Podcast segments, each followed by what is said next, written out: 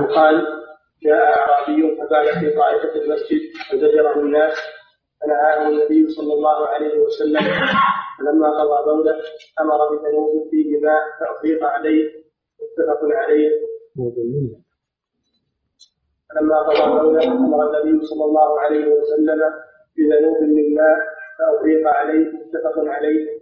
وعن ابن عمر رضي الله عنهما قال قال رسول الله صلى الله عليه وسلم أحلت لنا ميتتان ودمان فأما فأما الميتتان فالجراد والحوت وأما الدمان فالكبد والطحال.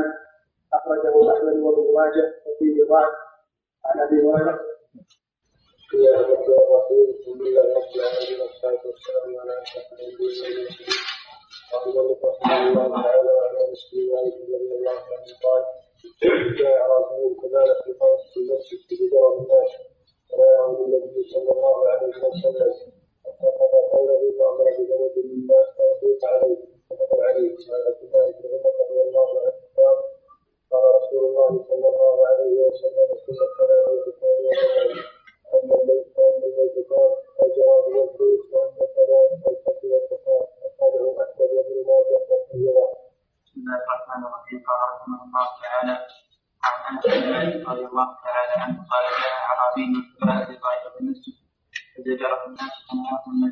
الله عليه وسلم لما قضى ذلك أمر النبي صلى الله عليه وسلم بذنب من الماء فاطيق عليه متفق عليه وعن ابن عمر رضي الله تعالى عنهما قال قال النبي صلى الله عليه وسلم حدثنا ميتتان ودمان فاما الميتتان فالجراد والحوت واما الجنان يعني واما الجنان فالكبد والطحال اخرجه احمد وابن مالك وابو بسم الله الرحمن الرحيم قال رحمه الله تعالى عن انس بن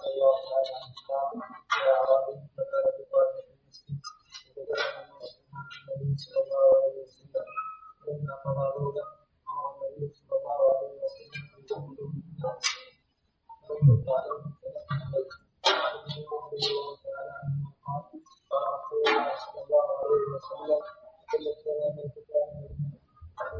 رضي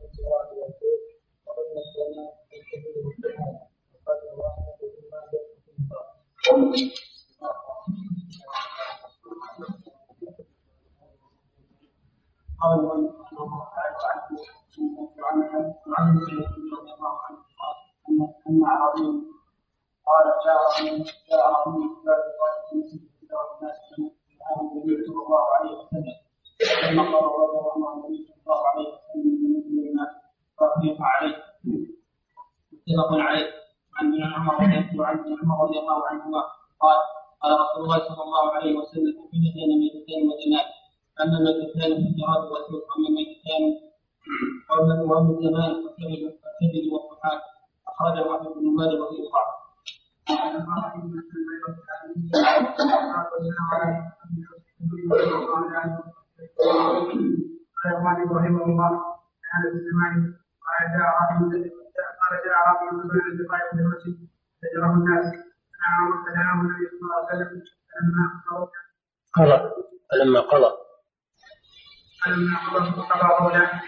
النبي صلى الله عليه وسلم بهم من الماء فاغيظ عليه متفق عليه.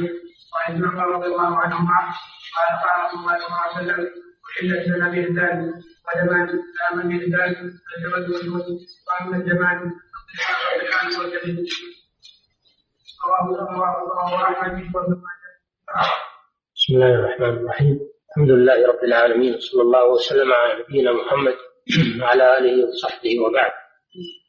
قال رحمه الله عن أنس بن مالك رضي الله عنه قال جاء أعرابي فبال في طائفة المسجد فزجره الناس فنهاهم النبي صلى الله عليه وسلم فلما فرغ من بوله فلما قضى بوله أمر النبي صلى الله عليه وسلم بذنوب من ماء فاهريق عليه. متفق عليه.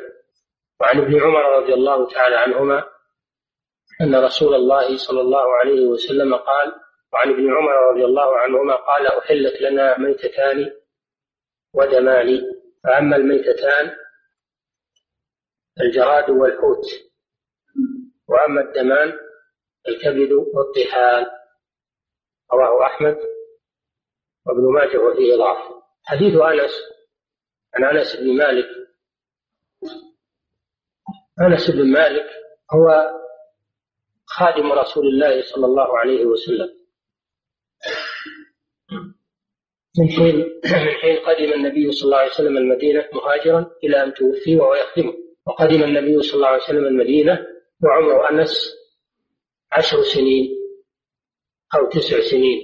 فقدمته أمه أم سليم إلى رسول الله صلى الله عليه وسلم ليخدمه. فخدم النبي صلى الله عليه وسلم إلى أن توفي رسول الله صلى الله عليه وسلم. وعاش أنس بن مالك إلى قريب المئة أو تزيد. رضي الله تعالى عنه. قال جاء أعرابي الأعرابي هو الذي يسكن البادية سواء كان عربيا أو عجميا. الذي يسكن البادية يقال له أعرابي جمعه أعراب الأعراب أشد كفرا ونفاقا. الأعراب هم الذين يسكنون البادية ويسكنون البر. بخلاف الحضر فهم الذين يسكنون المدن والقرى. حاضرة. الناس على قسمين حاضرة وبادية. سكان البادية يقال لهم الأعراب والغالب عليهم الجفا والجهل. خلاف سكان الحاضرة فإنه يغلب عليهم التأدب والتعلم. فهو هذا الأعرابي بسبب جفائه وجهله حصل منه ما حصل. جاء والنبي صلى الله عليه وسلم وأصحابه في المسجد فبال في طائفة المسجد يعني في ناحية طائفة هي الناحية والقطعة من الشيء بال في طائفة من المسجد. لأن عادة الأعراب أنهم لا يبعدون في البول لا يبعدون في البول. وعادة الناس كلهم أن البول لا يبعدون فيه وإنما يبعدون في الغائط. أما البول فمن عادة الناس حتى الحاضرة ما كانوا يبعدون في البول. لكن هذا الأعرابي لا يميز بين المسجد وغيره. هو مشى على العادة ولم يميز بين المسجد وغيره. فلما رآه الصحابة رضي الله عنهم زجروه يعني أنكروا عليه بشدة وهموا أن يوقعوا به لأنه فعل منكرا فنهاهم النبي صلى الله عليه وسلم. يعني نهاهم عن زجره نهاهم عن زجره وقال دعوه يعني دعوه يكمل بوله. وفي رواية لا تزرموه يعني لا تقطع عليه بوله. فتركوه حتى قضى بوله يعني فرغ منه. فلما فرغ منه أمر النبي صلى الله عليه وسلم بذنوب من ماء. الذنوب هو الدلو المملوء بالماء. الدلو هو الذنوب هو الدلو المملوء بالماء. وكذلك السجل. يعني في بعض الروايات أمر بسجل والسجل هو الدلو المملوء بالماء. أما إذا لم يكن فيه ماء فإنه لا يقال له ذنوب وإنما يقال له دلو. لكن إذا كان ممنوعا بالماء قيل له ذنوب. قوله تعالى فإن للذين ظلموا ذنوبا مثل ذنوب أصحابهم يعني نصيب. لهم نصيب من العذاب كنصيب أصحابهم من الكفرة. يعني لكفار قريش نصيب من العذاب كنصيب من سبقهم من الكفار. أمر بذنوب من ماء فأهريق أهريق يعني صب. أصله أريق بالهمزة. ثم أبدلت الهمزة هاء فصارت هريقا ثم زيد عليها همزة فصارت أهريقا صارت أهريقا هذا أصل الكلمة. ومعناه صب. صب عليه يعني صب على مكان البول. متفق عليه بين البخاري ومسلم. هذا الحديث حديث عظيم استفاد منه مسائل عظيمة. المسألة الأولى فيه دليل على نجاسة بول الآدمي. وهذا محل إجماع بين أهل العلم. وأنه يجب تطهير ما أصابه من ثوب أو بدن أو بقعة. فما أصابه بول الآدمي يجب تطهيره منه لأنه نجس. المسألة الثانية فيه دليل على كيفية تطهير الأرض إذا أصابتها النجاسة وذلك بأن يصب عليها الماء صب عليها الماء وتكاثر بالماء. يعني يصب عليها ماء كثير. ويكون هذا مطهرا لها. وكذلك ما اتصل بالأرض مما ثبت فيها من الحياض الثابتة المتصلة بالأرض. فإذا تنجست فحكمها حكم الأرض أنه يصب فيها ماء ويطهرها. وظاهر الحديث أنه لا فرق بين الأرض الصلبة والأرض الرخوة. الأرض الصلبة هي المتلبدة. القاسية. كذلك الأرض الرخوة وهي الأرض الثائرة بالتراب. إلا أن مسجد النبي صلى الله عليه وسلم معروف أنه كان رخوا يعني ما كان صلبة أرضه والحديث إنما جاء في مسجد النبي صلى الله عليه وسلم. وأما الأرض الصلبة مثل المبلط وال... إذا كان من من الحجارة أو من الأرض المتلبدة جدا فبعض العلماء يرى أنه لا يكفي أن أنه لا يكفي الصب بل لا بد من غسلها.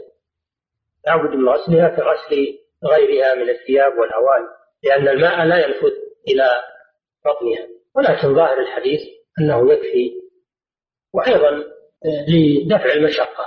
فيكفي على وجه الأرض عموما سواء كانت صلبة أو كانت رخوة أو كانت مبلطة يكفي أن يصب عليها الماء مرة واحدة. ويكون هذا الماء ماء كثيرا بالنسبة للبول. يكون كثيرا بالنسبة للبول. ما يكون يسير ما يكون كثير. فإذا صب عليها الماء فإن هذا يكفي. ولا تحتاج الأرض إلى أخذ التربة وبعد ذلك أو قبل الغسل. ما ما يحتاج.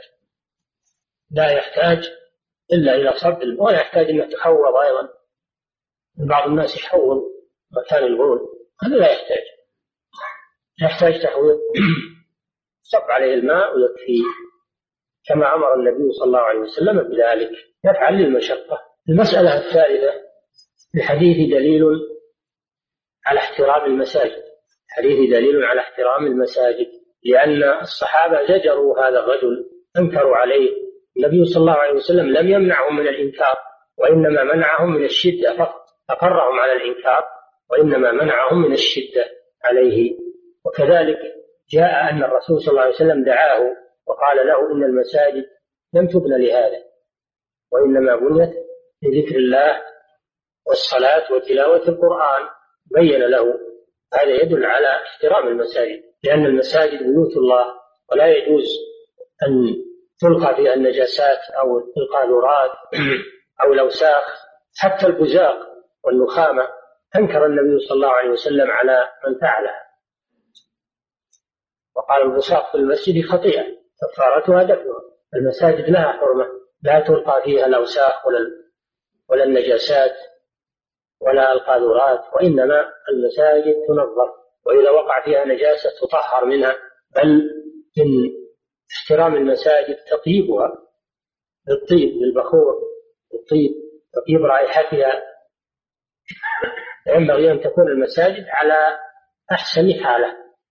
من النظافة ومن الرائحة ومن تهيئة للعبادة لأنها بيوت الله سبحانه وتعالى. المسألة الرابعة الحديث دليل على اشتراط طهارة البقعة للصلاة. اشتراط طهارة البقعة للصلاة. المصلي يجب عليه أو يشترط يشترط لصحة الصلاة أن يكون طاهرا من الحدث وأن يكون طاهرا من النجاسة في بدنه وفي ثوبه وفي بقعته. في بدنه وفي ثوبه وفي بقعته. يكون طاهرا من الحدث ويكون طاهرا من النجاسة. المسألة الخامسة في الحديث دليل على الرفق بالجاهل على الرفق بالجاهل لأن النبي صلى الله عليه وسلم أنكر على الصحابة زجرهم لهذا الجاهل وعلمه صلى الله عليه وسلم برفق علمه برفق. لأنه جاهل لم يفعل هذا متعمدا وإنما فعله عن جهل. فالجاهل يعامل معاملة خاصة بالرفق والتعليم بخلاف المتعمد والمعاند هذا له معاملة أخرى. وقال صلى الله عليه وسلم لأصحابه إنما بعثتم ميسرين ولم تبعثوا منفرين. وهذا أصل عظيم من أصول الدعوة والأمر بالمعروف والنهي عن المنكر أن يكون الداعية إلى الله والآمر بالمعروف والنهي عن المنكر على جانب كبير من الحكمة والرفق بالناس تعليم الجهال بالرفق عدم العنف عدم الشدة هذا معروف من هديه صلى الله عليه وسلم. الله تعالى يقول ادعو إلى سبيل ربك بالحكمة والموعظة الحسنة وجادلهم بالتي هي أحسن. المسألة السادسة. المسألة السادسة. في الحديث دليل على كرم أخلاقه صلى الله عليه وسلم حيث إنه عامل هذا الأعرابي الذي حصل منه هذا المنكر عامله بالرفق وعلمه أو عامله بالرفق ورفق به ثم علمه صلى الله عليه وسلم حق المسجد. هذا من كمال أخلاقه صلى الله عليه وسلم. المسألة السابعة في الحديث دليل للقاعدة المشهورة عند العلماء ارتكاب أخف الضررين بدفع أعلاهما ارتكاب أخف الضررين بدفع أعلاهما وذلك لأن البول في المسجد هذا ضرر ما في شيء. ولكن لو قام هذا الرجل وهو يقول لتلوث المسجد كله أو كثير منه. وهذه مفسدة أكبر. لو قام وهو يقول ولم يكمل بوله في مكان واحد محصور لأدى هذا إلى انتشار البول في المسجد. وكل مفسدة أكبر. ولذلك النبي صلى الله عليه وسلم تركه يبول في موضع واحد من المسجد وهذا ضرر لكن دفع به ضررا أكثر وهو انتشار البول في المسجد. فهو دليل للقاعدة. دفع دفع أكبر المضرتين بارتكاب أدناهما. وهي قاعدة عظيمة.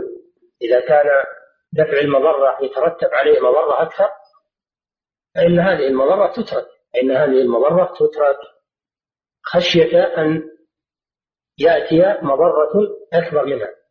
دفع على المضرتين بارتكاب أدناهما. هذه قاعدة معروفة عند أهل العلم. ومن أدلتها هذا الحديث. ووجه ذلك ما بينته لكم. أما حديث ابن عمر رضي الله عنه قال أحلت لنا ميتتان ودمان فأما الميتتان فالسمك والجراد أو الحوت والجراد الحوت والجراد.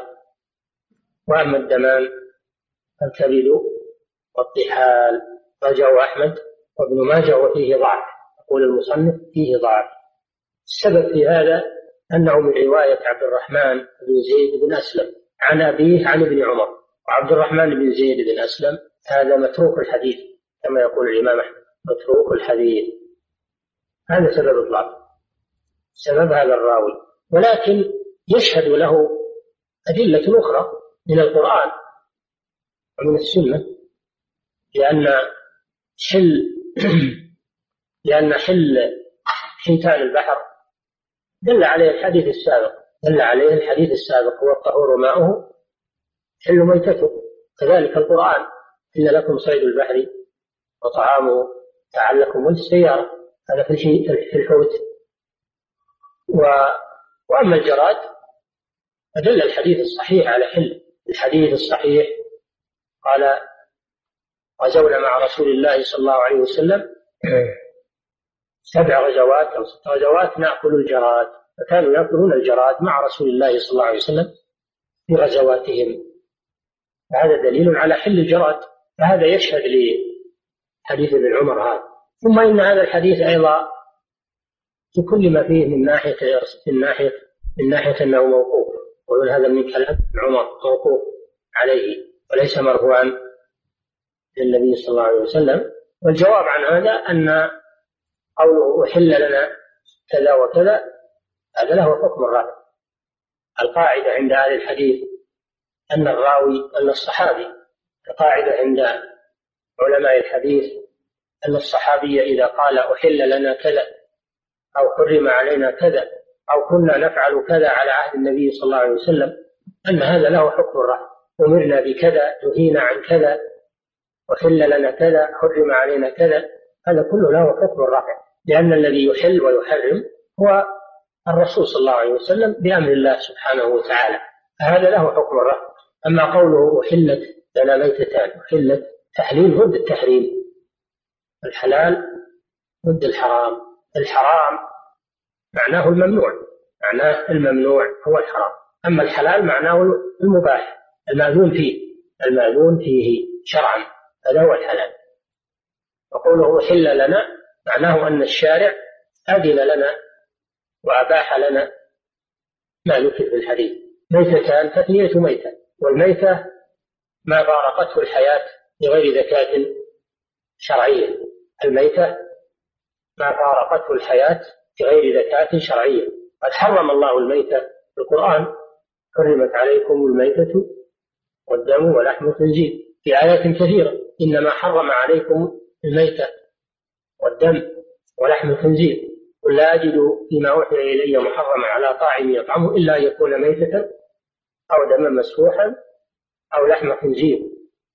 الآيات في هذا كثيرة تحرم الميتة التي فارقتها الحياة بغير زكاة شرعية إما بأن ماتت حف أنفها أو ذكاها من ليس أهلا للزكاة كالوثني والدهري و أو ذكاها من هو أهل للزكاة لكن على غير الزكاة الشرعية.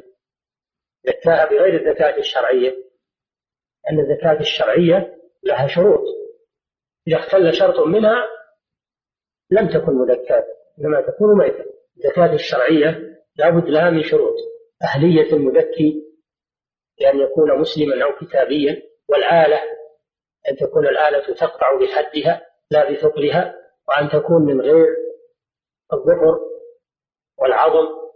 لا تكون الآلة عظما ولا ظفرا وأن يقطع ما أمر بقطعه بالزكاة وهو الوديجان والحلقوم أو المري الوديجان عرقان في جانبي العنق يجري منهما الدم. والحلقوم مجرى النفس والمري مجرى الطعام والشراب. هذه أربعة. إذا قطعت كلها فإن فإنها زكاة بإجماع العلم. أما إذا قطع بعضها فهذا محل تفصيل عند العلماء إذا قطع ثلاثة من الأربعة الحلقوم والمري واحد الوديجين أو قطع الوديجان والحلقوم أو المري ثلاثة من أربعة يكفي. إذا قطع الأربعة هذا لا نزاع فيه في حله وإذا قطع ثلاثة من الأربعة فالصحيح والذي عليه الجمهور أن الزكاة تكون صحيحة. فإذا وأن يذكر اسم الله عليه. أن يذكر اسم الله عليه. أربعة شروط. أهلية المذكي صلاحية الآلة للزكاة أن يقطع هذه المذكورة من الحلق أن يذكر اسم الله عليها عند الذبح. بأن يقول بسم الله. فهذه الشروط إذا توفرت حلت. الذبيحة وإن اختل شرط منها إذا اختلت كلها فهي ميتة بالإجماع. أما إذا اختل شرط منها هذا محل تفصيل بين أهل العلم ونزاع لكن هذه الشروط في الجملة لا بد منها. وهنا يقول حلت لنا ميتتان. فهذا الحديث يكون مخصصا يكون مخصصا لعموم تحريم الميتة يكون مخصصا لعموم تحريم الميتة المذكور في الآيات. أنه يستثنى من الميتة ميتة الجراد وميتة الحيتان. فالجراد لا يحتاج إلى زكاة. يؤكل بدون زكاة. وكذلك الحوت يؤكل بدون زكاة. إذا وجد ميتا سواء مات بسبب أو بدون سبب سواء مات بسبب بأن جزر عنه البحر أو قذفه البحر أو أصابه مرض ومات في البحر كله حلال. وكذلك الجراد إذا مات بأي سبب سواء طبخ مات بالطبخ أو شوي بالنار أو وجد ميتا حتف أنفه أو مات بسبب جمعه بوعاء أو ما أشبه ذلك حلال. ميتة الجراد حلال. وذهب الإمام مالك إلى أنه لا بد أن يموت بسبب. الجراد لا بد أن يموت بسبب فإن وجد ميتا حتف أنفه إنه لا يؤكل لكن الصحيح أنه يؤكل عموما. قوله صلى الله عليه وسلم أحلت لنا ميتتان ولم يخصص. فكل ميتة الجراد حلال. كذلك كل ميتة الشيتان حلال. خلافا للحنفية. يقولون ما وجد طافيا على وجه البحر لا يؤكل. وجد طافيا على وجه الماء على سطح الماء لا يؤكل. استدلوا بحديث ضعيف. وما مات فيه فطفى فلا تأكلوا ولكن الحديث هذا ضعيف. والحديث الذي معنى عام حلت لنا ميتتان. الحديث السابق هو الطهور ماؤه الحل ميتته ولم يستثني. والصحيح أن ميتة شيتان البحر كلها حلال على أي صفة ماتت. والمراد بالحوت هنا السمك سواء كان كبيرا أو صغيرا. كله يسمى حوت كله يسمى حوت ما لا يعيش إلا في البحر من حيوانات البحر. إنه يسمى بالحوت يحل أكله لهذا الحديث ولغيره إلا لنا ميتتان. ودمان تثنية دم الدمان تثنية دم. الله تعالى حرم الدم. قال تعالى إنما حرم عليكم الميتة والدم ولحم الخنزير. والآيات التي سمعتم في تحريم الدم. ظاهرها تحريم كل دم ولكن آية الأنعام خصصت الدم بالمسفوح لا يكون دما مسفوحا لا يكون ميتة أو دما مسفوحا والمسفوح هو الدم الذي يشفط من المذكات هذا المسفوح. الذي يشفط من المذكات وقت الذبح يشفط من أوداجها هذا نجس حرام بإجماع أهل العلم. أما الدم المتبقي في اللحم فهذا معفو عنه. الدم المتبقي في لحم الذبيحة هذا معفو عنه لأن الصحابة كانوا يأكلون اللحم ويضعونه في القدر وفيه بقية دم. كانوا يرون الدم خطوطا في الماء ولم يأمرهم النبي صلى الله عليه وسلم بغسله. الدم المتبقي في لحم الذبيحة معفو عنه لأجل المشقة. وأما الدم الذي يخرج منها وقت الذبح ويشخب من أوداجها ويدفق من أوداجها هذا نجس وحرام كما قال الله تعالى أو دما مسفوحا. لكن هذا الحديث استثنى من الدم دمان دمين الدم الأول دم الكبد الدم الثاني دم الطحال.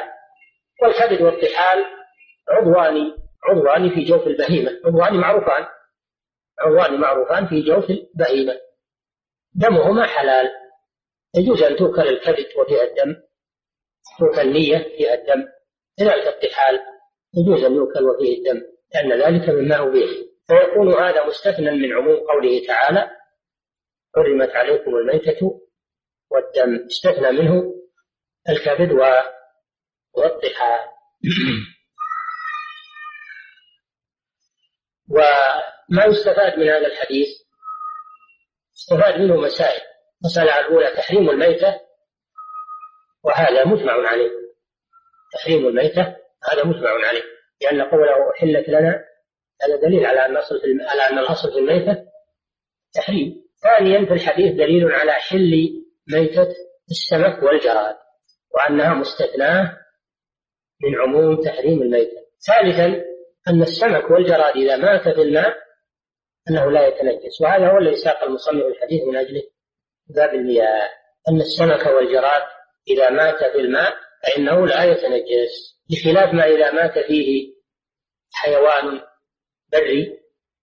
إذا مات فيه حيوان بري ما فيه دم كالأغنام والإبل وكل ما فيه دم.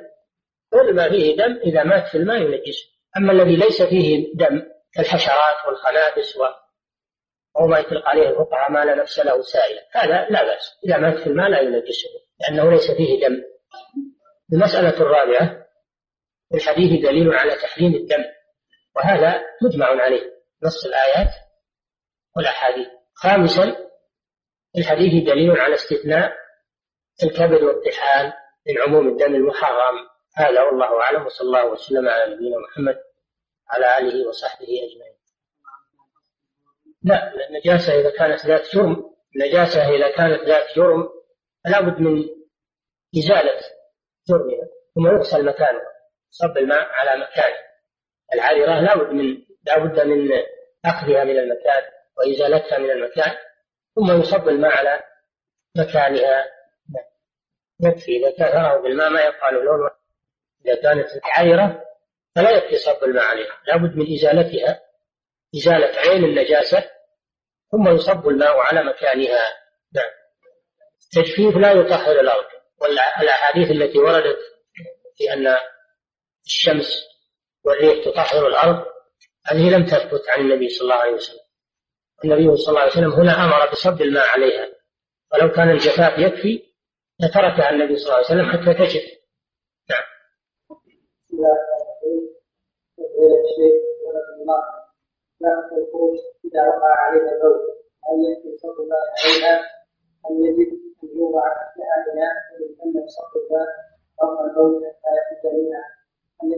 عليها الفرش وكل الأشياء المنقولة ما يكفي صب الماء عليها. لا بد أن تغسل كما يغسل غيرها.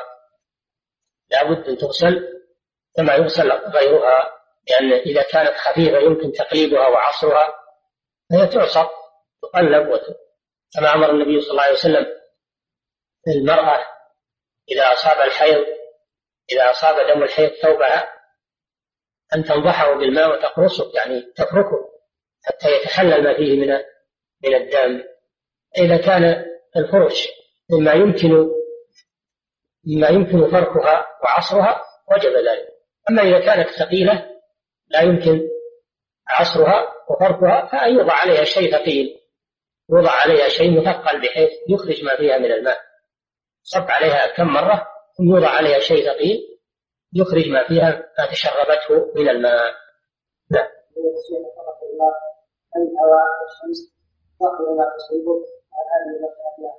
هذا ذكرنا ذكرنا قلنا الصحيح أن الشمس والريح لا تطهر الأرض لأنه لم يثبت فيها دليل. والنبي صلى الله عليه وسلم هنا أمر بالغسل. ولو كان الجفاف واليبس تطهرها لما أمر بصب الماء عليها. والأصل في غسل النجاسات هو الماء. هذا هو الأصل.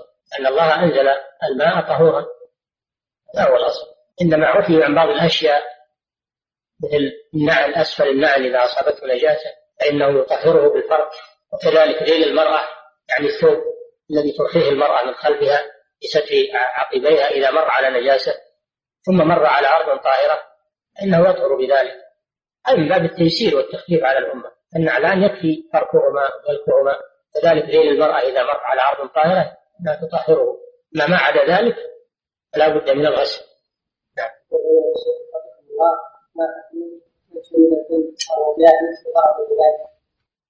لا يجوز شرب الدم والعلاج لا يكون بالشرب. العلاج يكون بطريقة طبية يكون بطريقة طبية بواسطة الحقن بواسطة الحقن.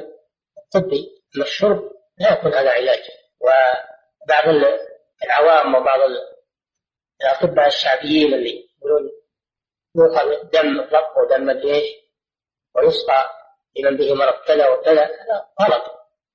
هذا لا أصل له ولا يجوز لأن الدم نجس. لا يجوز التداوي بالنجس إنما إسعاف المريض بالدم إسعاف المريض بالدم هذا للضرورة الأصل ما يجوز لكن هذا جائز للضرورة قوله تعالى إلا ما اضطررتم إليه حرمت عليكم الميتة والدم ولحم إلى قوله إلا ما اضطررتم فمن اضطر غير باغ ولا عاد. فإسعاف المريض بالدم هذا من باب الضرورة. حتى الميتة يجوز أكلها عند الضرورة. نعم. ولكن لا يشرب وإنما يكون بطريقة طبية.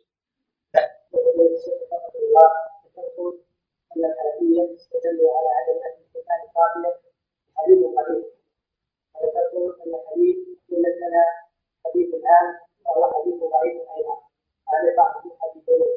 نعم بعض الحديثين مختلف يعني. حديث ابن عمر أقوى ولكن له شواهد ولا تشهد الآيات والأحاديث التي أباحت. آيات والأحاديث أباحت السمك والجراد وهي تشهد لحديث ابن عمر بينما حديث الطافي لا يشهد له شيء. بل الأدلة على خلافه. عمومات الأدلة على خلافه. الله تعالى أباح صيد البحر ولم يستثني. النبي صلى الله عليه وسلم قال هو الطهور ماء والحل ميتته ولم يستثني. نعم.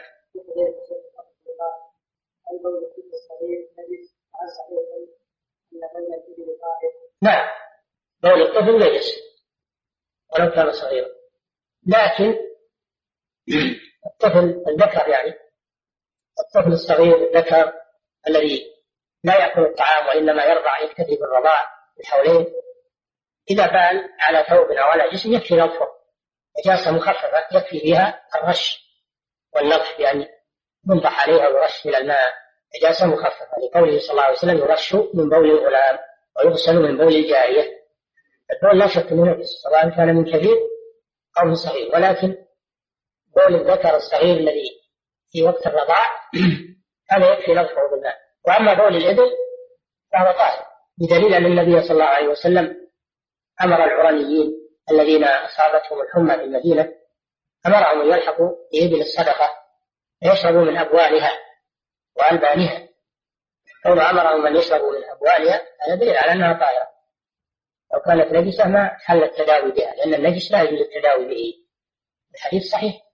وكذلك لا ذكر أن المسلمين مختلف العصور مع ملابستهم للإبل وأنها تبول وتصيب وما ذكر أنهم كانوا يغسلون ثيابهم من بول الإبل. أبوال الإبل طاهرة. وعند الفقهاء قاعدة أن كل ما يؤكل لحمه كل ما يؤكل لحمه فهو طاهر للإبل والبقر والغنم. كل ما يؤكل لحمه. فبوله طاهر. الصلاة في مرض الغنم أمر بها النبي صلى الله عليه وسلم. ونهى عن الصلاة في معاقل الإبل. نهى عن الصلاة في معاقل الإبل. ما هو من أجل النجاسة. وإنما الله أعلم بالحكمة في ذلك. ليس من أجل النجاسة لأن الإبل طاهرة وبولها طاهر وروثها طاهر النهي عن الصلاة في معاقلها ليس من أجل النجاسة وإنما لمعنى آخر. الله أعلم به. لا يكفي. لابد من قطع واحد من الحلقوم أو لا لابد من قطع المري أو الحلقوم. مع الماء والدين أو قطع المري والحلقوم مع أحد الوجهين ثلاثة من ثلاثة من أربعة.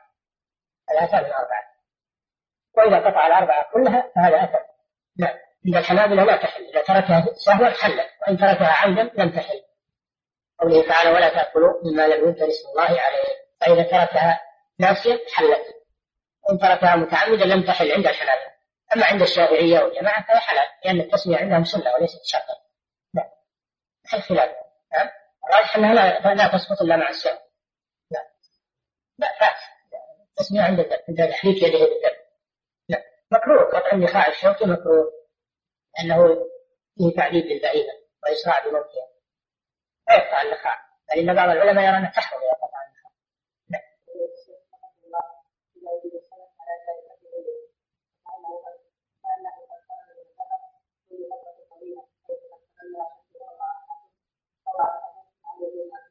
لا بأس بأكله ما دام صالحا للأكل فلا بأس بأكله لأن الصحابة رضي الله عنهم الذين كانوا في السرية وجدوا عنبرا يعني حوتا كبيرا قد قذفه البحر فأكلوا منه وأقاموا عنده أياما ويأكلون حتى سمنوا فأخذوا معهم للمدينة من لحمه لما أخبروا النبي صلى الله عليه وسلم طلب منهم إذا كان معهم شيء منه أن يعطوه فهذا دليل على أن ما قذفه البحر ولو طال وقته ما دام صالح الأكل أما إذا تعفن إذا تعفن وصار فيه مرض ولا يجوز. أو كان وقتنا الحاضر قد تسمم بسبب التلوث تلوث البحر تسمم هذا لا يجوز لأنه مضر. يضر بالصحة نعم.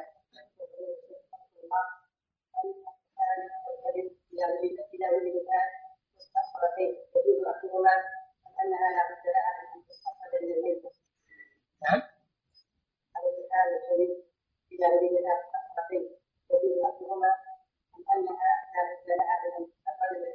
الميتة لا يجوز أكل كبدها ولا طحال كلها حرام. الكلام في المذكات الكبد والطحال من المذكات أما الميتة فلا يجوز أكل طحال ولا الكبد منها الميتة كلها حرام كل أجزائها نعم. لا أعلم شيء لا أعلم شيء لا أيضا يستأنس ب يستأنس بأن لأن اللحم يؤكل ولو كان مترفع في الدين. لا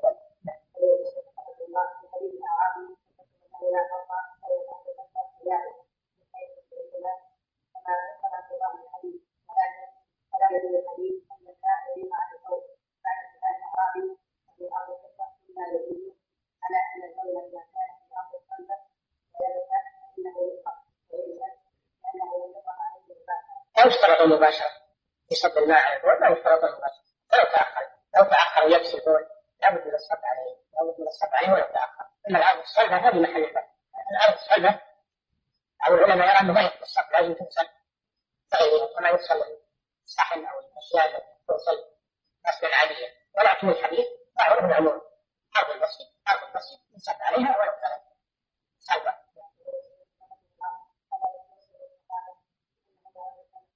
بل ان تكثير السلب خصوصا خصوصا البلاط اليوم سهل سهل جدا تصب عليه